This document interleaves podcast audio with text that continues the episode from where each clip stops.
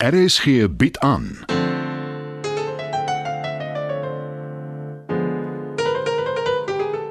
Die Lingervelders deur Marie Snyman.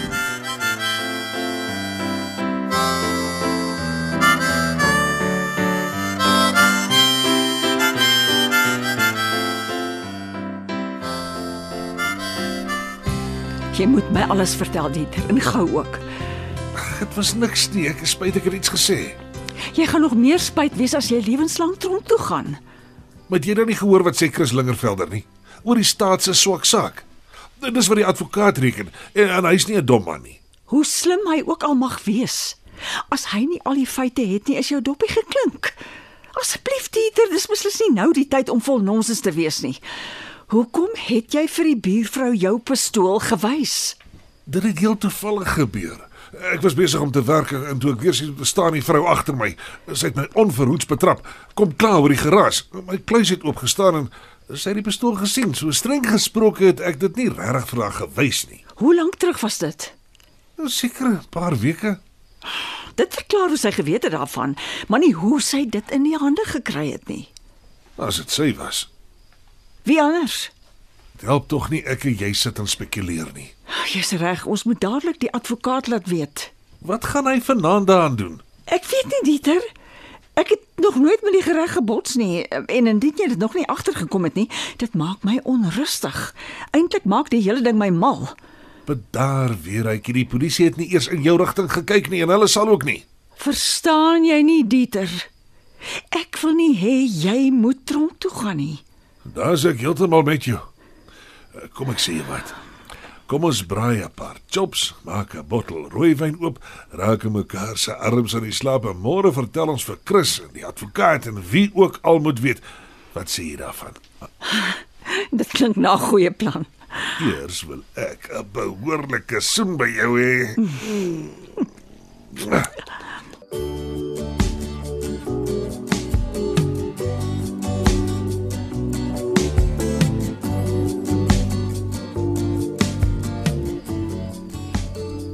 Hoor jy dit?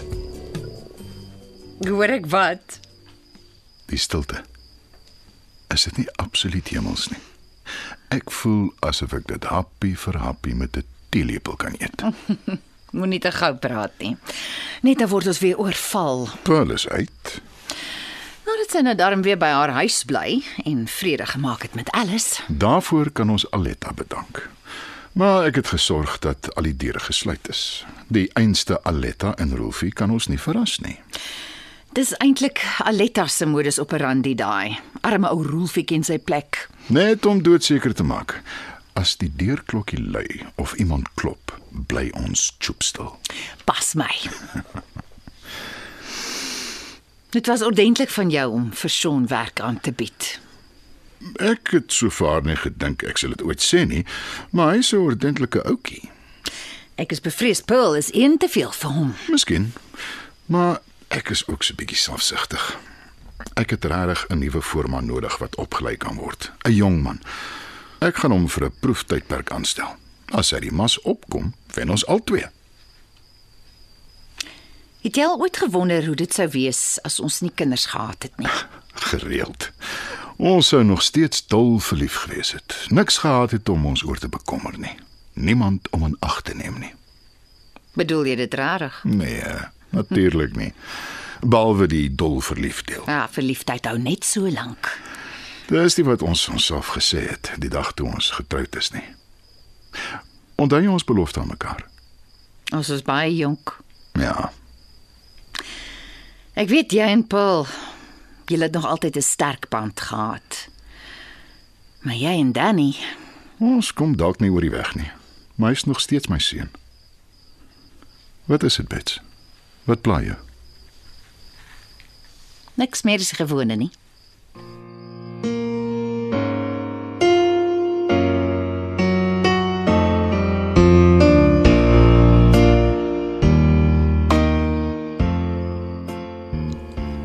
Dieter, Hier is ek weer ek hier, hier reg langs jou.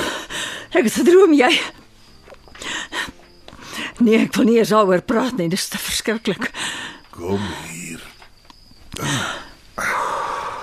Moenie oor ou Dieter worry nie. Ek's 'n tawwe ou. Ek kan na myself kyk.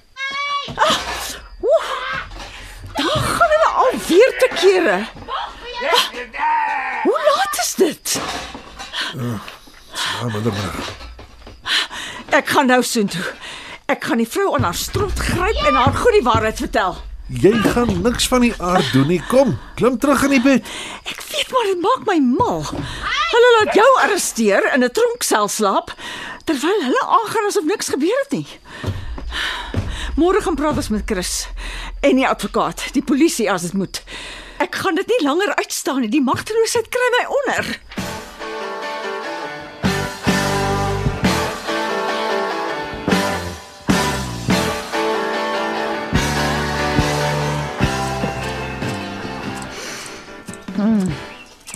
Die dahlias bloem lieflik die jaar.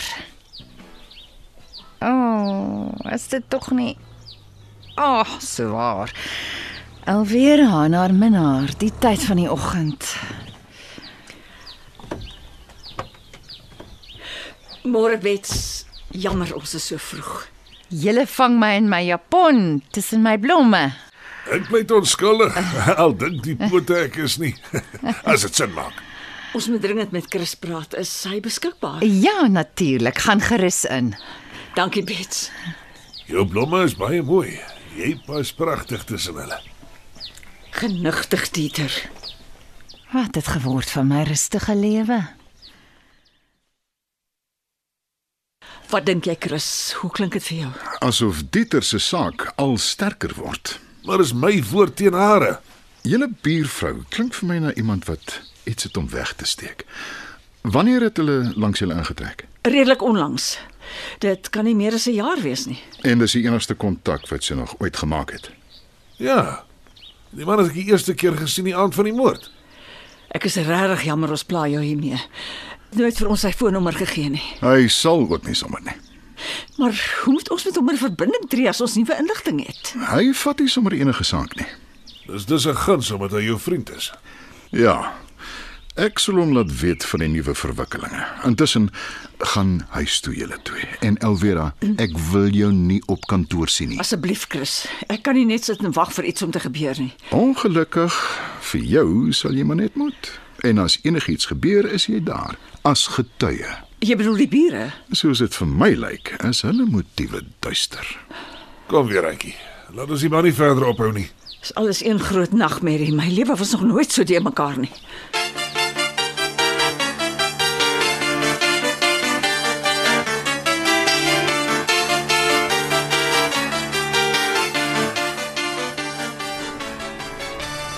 Um, Môre Frank, ek weet ek is baie vroeg. Hallo Bets. Geen probleem nie. Ek is al van voor Sondag af hier. Ek sien jy maak reg vir vanaand se uitstalling. Ja, jou seun monopoleer DSA my galery. Hy waardeer jou hulp. Ek weet. En ek hoef jou nie te herinner dat ek 'n sagte plek vir hom het nie. Ja. Maar nou lyk dit my hy het 'n jong man in sy lewe. Opgetel op 'n klein dorpie in Noordwes terwyl hy homself gaan soek het. J- Jy klink skepties, Ek neem aan jy het Bradley ontmoet. vlugtig. En wat dink jy? Dis moeilik om te sê hy hy praat aan mekaar. Ja, is dit nie irriterend nie en net 'n klomp nonsens? Ag, miskien is hy senuweeagtig. Mens kan hom seker die voordeel van die twyfel gee. Maar Danny kry skaars 'n woord in. So het ek agtergekom, ja. En laat jy maar God se water oor God se akker loop. Wat anders? Van anders gepraat. Vind jy nie jou seun anders nie? Wel, dit moes een of ander tyd gebeur het. Net mooi almal, jy in kluis, het aangegaan oor hoe vas hy aan my rokspante is. Wel, liewer dit as wat hy vir 'n klein rentboy val. So erg. Jammer, jammer. Ek praat seker uit my beurt. Dalk uit jaloesie, wie weet. Ek ken Bradley nie. Juis. Hoe bedoel jy? Hy's nie van hier rond nie. Wie weet wat hy alles aangevang het voordat Danny hom ontmoet het. En en sommer dadelik by hom laat intrek het. Ek vertrou beslis nie die vrede nie. Maar jy kan niks sê nie. Ek is nou wel nie 'n ouer nie, maar ek is ook nie onnosel nie. Waarskynlik om teen die knapie. Dan verwerp hy my. Ja, jy's reg. Dis hoe dit werk met kinders. Dit het nooit van tevore met Danny nie en daarom hoop ek ek is verkeerd oor Bradley. Maar wat sê jou gut? Ek skat jy weet dit klaar, Frank. Die probleem is my gut het my al soveel keer in die steek gelaat. Ekskuus dat ek vra. Ek moet dit asseblief nie verkeerd opneem nie, maar hoekom praat jy met my hieroor? Ek bedoel ons ken mekaar skaars Dalk juis daaroor. of omdat ek gay is. Waarskynlik. Vertrou jy my radar? Nou dat ons so eerlik is met mekaar. Ja. En ek weet ek het geen reg om jou te vra nie, Jy Nee, maar hoef niks verder te sê nie. Ek sal uitkyk vir die ouetjie. Jou seun is spesiaal bets, maar dit weet jy self. en ongelukkig te onskuldig. Uh, sy fotos Uitstaande. Ek het dit nie so aan hom genoem nie. Uh, dit sulkie twyfel doen 'n jong kunstenaar meer goed as kwaad. Ek sien wat jy bedoel. Ek neem aan jy gaan nie die opening bywoon nie. Nee. Hoe moeilik dit ook al is, ek moet Danny los om sy eie besluite te maak. En deel daarvan is dat ek nie by is met opening nie. Tog wil hy jou graag hier hê. Ek weet. En dis nie vir my maklik nie, maar dis nodig. Dankie dat jy eerlik was met my. Jy sê dit asof dit 'n vreemde verskynsel is. Nogal, né? Jy is heeltemal anders as wat ek jou aanvanklik opgesom het, Betslingervelder. Ek is aangenaam verras.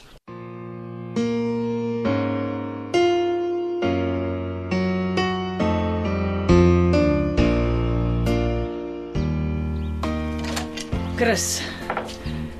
Kom in. Die feit dat jy persoonlik hier is, voorspel niks goeds nie. Inteendeel. Chris, ah, my redder in ellende. Middag, Dieter. Ek neem aan jy het iets op die hart. Ja. Goeie nuus. Dis hoekom ek dit persoonlik aan julle wil oordra. Vertel asseblief. My meisie se senuwees is aan flarde. Die twee wat langs julle bly, word lankal gesoek. Hulle is swendelaars. Die huis is deur die bank teruggeneem. Die vorige eienaar is glo land uit. Ons het nogal gewonder wat van hom geword het. Hulle het kontakte oral. Dis hoe hulle onwettig in die huis kom bly het. Sy is onder andere 'n prostituut wat mans uitlok en dan beroof die twee hulle. Die arme ou met die koels deur die kop is sover die polisie kan aflei, hulle eerste moord. Goeiste. En die hele tyd bly hulle langs ons. Yuri, dink jy het lig daarvan afgekom, Dieter? Hulle het waarskynlik ander planne gehad met jou. Dis nou die een keer dat geluk aan my kant was. Ek kan nie glo dis so gou opgelos nie. Danksy Yuri en sy span. Ons is jou ewig dankbaar, Chris. Ja, dit ou. Wys jou mens kan nooit te versigtig wees nie. Vat soveel tyd af as wat jy nodig het, Alvera. Jy ken my, Chris. Werk hou my rasioneel. En Dieter, wees goed vir Alvera. Menende, Sy verdien net die beste behandeling. Ek glo jy weet dit.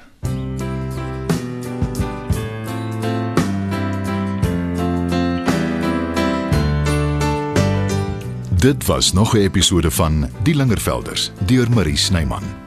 Die tegniese versorging word behartig deur Neriya Mukwena en Evert Snyman is verantwoordelik vir die musiek en byklanke. Die Lingervelders word geskryf en in Johannesburg opgevoer deur Marie Snyman.